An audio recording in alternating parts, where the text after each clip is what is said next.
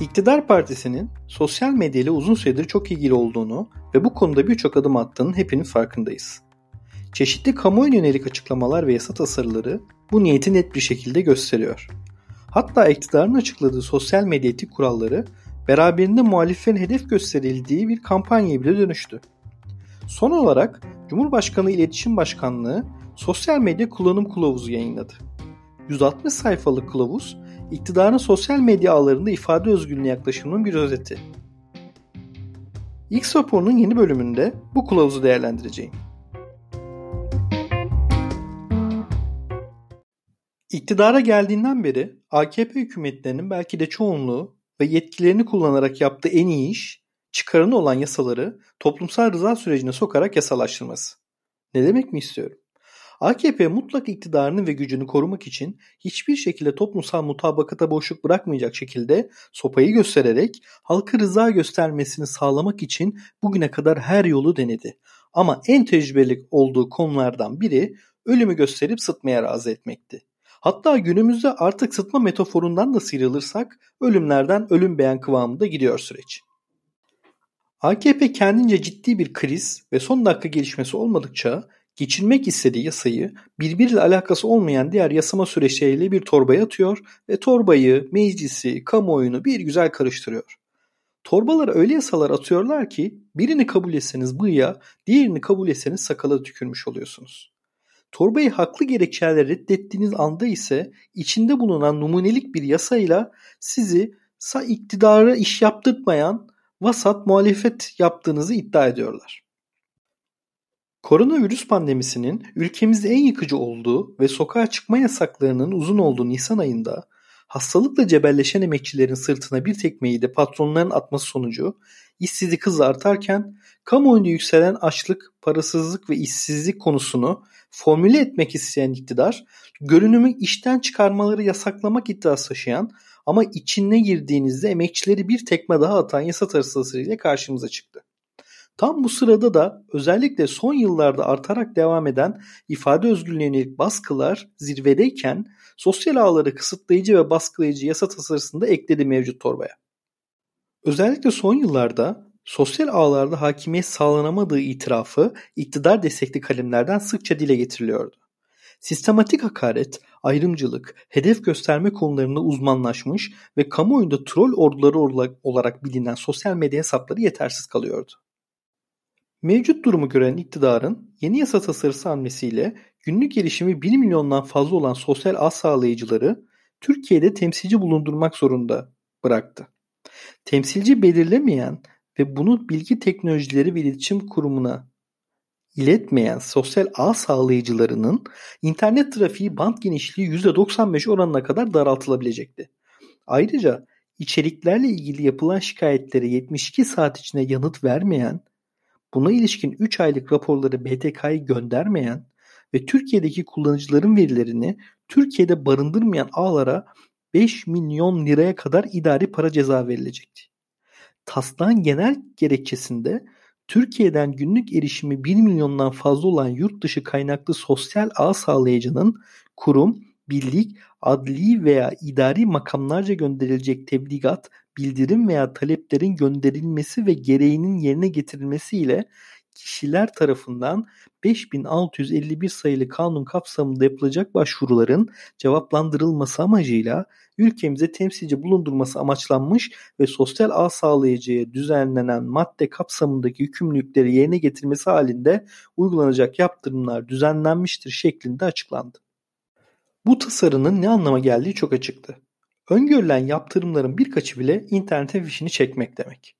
İnternet ağ sağlayıcı tanımına ek olarak sosyal ağ sağlayıcı gibi bir tanımın ortaya çıkması, sosyal ağlardaki yazışmaları hızlı bir şekilde müdahale alanı açılmasının kanuni ortamının sağlanmasına bir işaret. Bu sosyal ağ sağlayıcılarına Türkiye'de temsilcilik bulundurması koşulu şart koşulurken bu temsilci bildirilmezse temsilci bildirmeyen ağın trafiğine yönelik kademeli olarak kısıtlamalar da öngörülüyor. Bu kısıtlamalar içinde internet trafiği band genişliğinin %95 oranında daraltılması planlanıyor. Ki böyle bir şey olursa aslında internet teknik olarak kullanılmaz hale gelir. Örneğin Twitter'a ceza kesilirse Twitter'a %95 oranında erişemeyeceğiz. Kamuoyunda mesele yüksek sesle tartışılınca AKP 13 Nisan tarihinde gece yarısından sonra yasa maddesini torbadan çıkardı. Tabi bu geri adım daha güçlü bir şekilde atılacak adımın öncüsü olduğunu neredeyse 20 yıllık süreçten hemen anlayabiliyoruz. AKP kamuoyundan gelen tepkileri ve yasaya karşı çıkan kitlenin analizini yapıp ileride bu yasa taslağını daha da baskıcı bir şekilde önümüze koyacak eminim. Ama bu süreçte iktidarın kamuoyunu bu konuyla sürekli tebelleş edeceğine ilişkili emareler daha meselenin üzerinden ay geçmemesine rağmen gözükmekte. MHP'nin sosyal medyada TC kimlik numarayla girme teklifi ve AKP'nin sosyal medya etik kurallarını kamuoyuyla paylaşması bunu gösteriyor.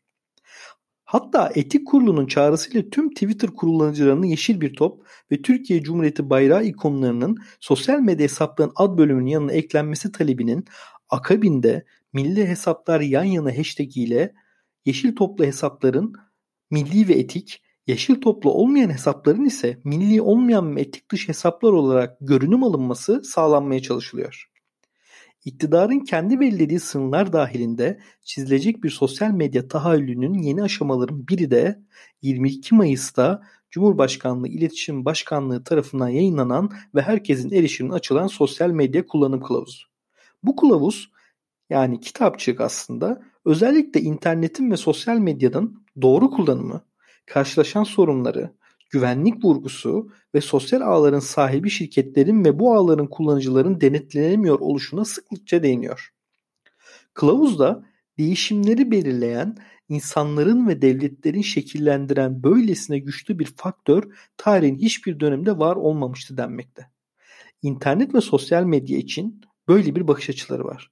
Bu yüzden sosyal medya araçlarının kişiliğimizin, yaşam biçimimizin, ailelerimiz ile olan ilişkilerimizin ve devlet yönetiminin belirlenmesinde etkili araçlar haline gelmesi aynı zamanda hayati bir riski de beraberinde getiriyor denilmekte. Ve sosyal medyanın iyi veya kötü niyetli yaklaşımcılarla kullanılması ve bu mecraların nasıl doğru kullanabileceği sorunu ortaya çıkarıyor. Peki kime göre, neye göre bir doğru kullanım? Zaten kılavuz bizi oraya yönlendiriyor. Türkiye Cumhuriyeti, Cumhurbaşkanımız Recep Tayyip Erdoğan liderliğinde uzun zamandır siyasetten medyaya, diplomasiden küresel ve ulusal birçok alanda hakikatin, doğrunun, ahlaki ve etik olanı mücadelesini vermektedir. Kişisel algı merkezleri tarafından üretilen manipülatif bilginin ve provokatif siyasetin karşısında duran bir ülke konumundayız bugün.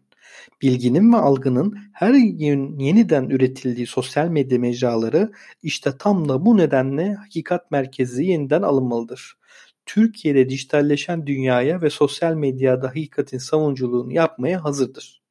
Kılavuzda bunlar çok net bir şekilde yazıyor. Yani kılavuz iktidarın hakikatini bir norm olarak ortaya koyduğu sosyal medyanın bu hakikate göre konumlandırılması ve mücadele alanı, alanı olarak görülmesi gerektiğini vurguluyor. Kılavuzda sık sık sosyal medya ağlarında güvenlik politikalarına yönelik atıflar ve bunların düzenlenmesi yönünde bir talep var.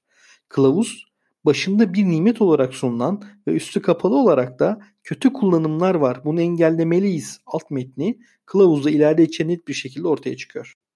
Yine kılavuzda konvansiyonel medyanın doğru ve denetlenebilir olmasından bahsedilirken sosyal medya hakkında amatör bir kullanıcının temel içerik oluşturma araçları kullanarak oluşturduğu bir video içerik ana akım medyanın yüksek prodüksiyon bütçeleriyle oluşturulduğu bir video içerikten daha fazla kullanıcı tarafından izlenilmektedir deniliyor. Bu aynı zamanda kılavuza göre yıkıcı bir güç. Sosyal medya paylaşım ağlarının Türk hukukuna uygun hareket ettiğini söylemek oldukça güç diye ekliyor kılavuz. Bu ağların Türkiye'de ofislerinin bulunmamasının suç teşkil eden olaylara, terör faaliyetlerine bilgi edinilememesine yol açmaktadır deniyor.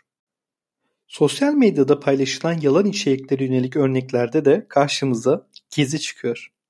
Gezi Parkı'nda başlayıp tüm Türkiye'ye yayılan eylemleri bir kalkışma olarak tanımlanan, tanımlandığı bu kılavuzda toplumda infial uyandıracak yalan içeriklere toplumsal karmaşa çıkarma mümkündür deniyor. İnsanların öldürüldüğü, polis araçları sivillerin ezildiği gibi birçok yalan içerik paylaşılmıştır deniyor kılavuzda. Gezi döneminde yani. Ayrıca sosyal medyanın milli manevi değerlerinin yozlaştırılması ve yıpratılması adına etkili bir silah olarak kullanılabilir denilmekte. Metinde bu iddiaların dışında en çok ilgi çeken iddia ise sosyal medyada bilgi kirliliğinin giderek arttığı vurgusu yapılarak provokasyon gerçekleştirmek isteyen sosyal medya teröristleri sanal ortamı oldukça etkin kullanmaktadır önermesi. İktidarın sosyal medya yönelik atılacak adımlarının ve yeniden gündeme getireceği yasa tasarısının öncülü olacağı ya da iktidarın konuyla ilgili perspektifini ortaya koyduğunu göstermesi açısından sosyal ağ sağlayıcıları ve sosyal medya teröristleri kavramlarının çok önemli olduğunu düşünüyorum. Kılavuzda da sık sık hatırlatıldığı gibi vatandaşların sadece devletin resmi kurum ve kuruluşlarına yetkililerini itibar etmesi konusundaki bilinçlendirme çok önemli bir şekilde gerekmekte. Ve dedikodular ses kayıtlarının gelişi güzel paylaşıldığı sosyal medyada denetlenebilir olmalı. Kılavuz ayrıca kriz dönemlerinde acil kriz planı oluşturulması gerektiğini de belirtmekte. Kimi araştırmalarda konvansiyonel medyanın %95'ine varan bir şekilde hükümetin kontrolünde olduğunun bilindiği ve çeşitli mekanizmalarla basın, haberleşme ve ifade özgürlüğünün baskı altında tutulduğu bu dönemde hükümetin tam kontrol altında tutamadığı sosyal medya ağlarına yönelik tam denetim ve yetki talebi aslında bu kılavuzla tüm topluma açıkça gösteriliyor.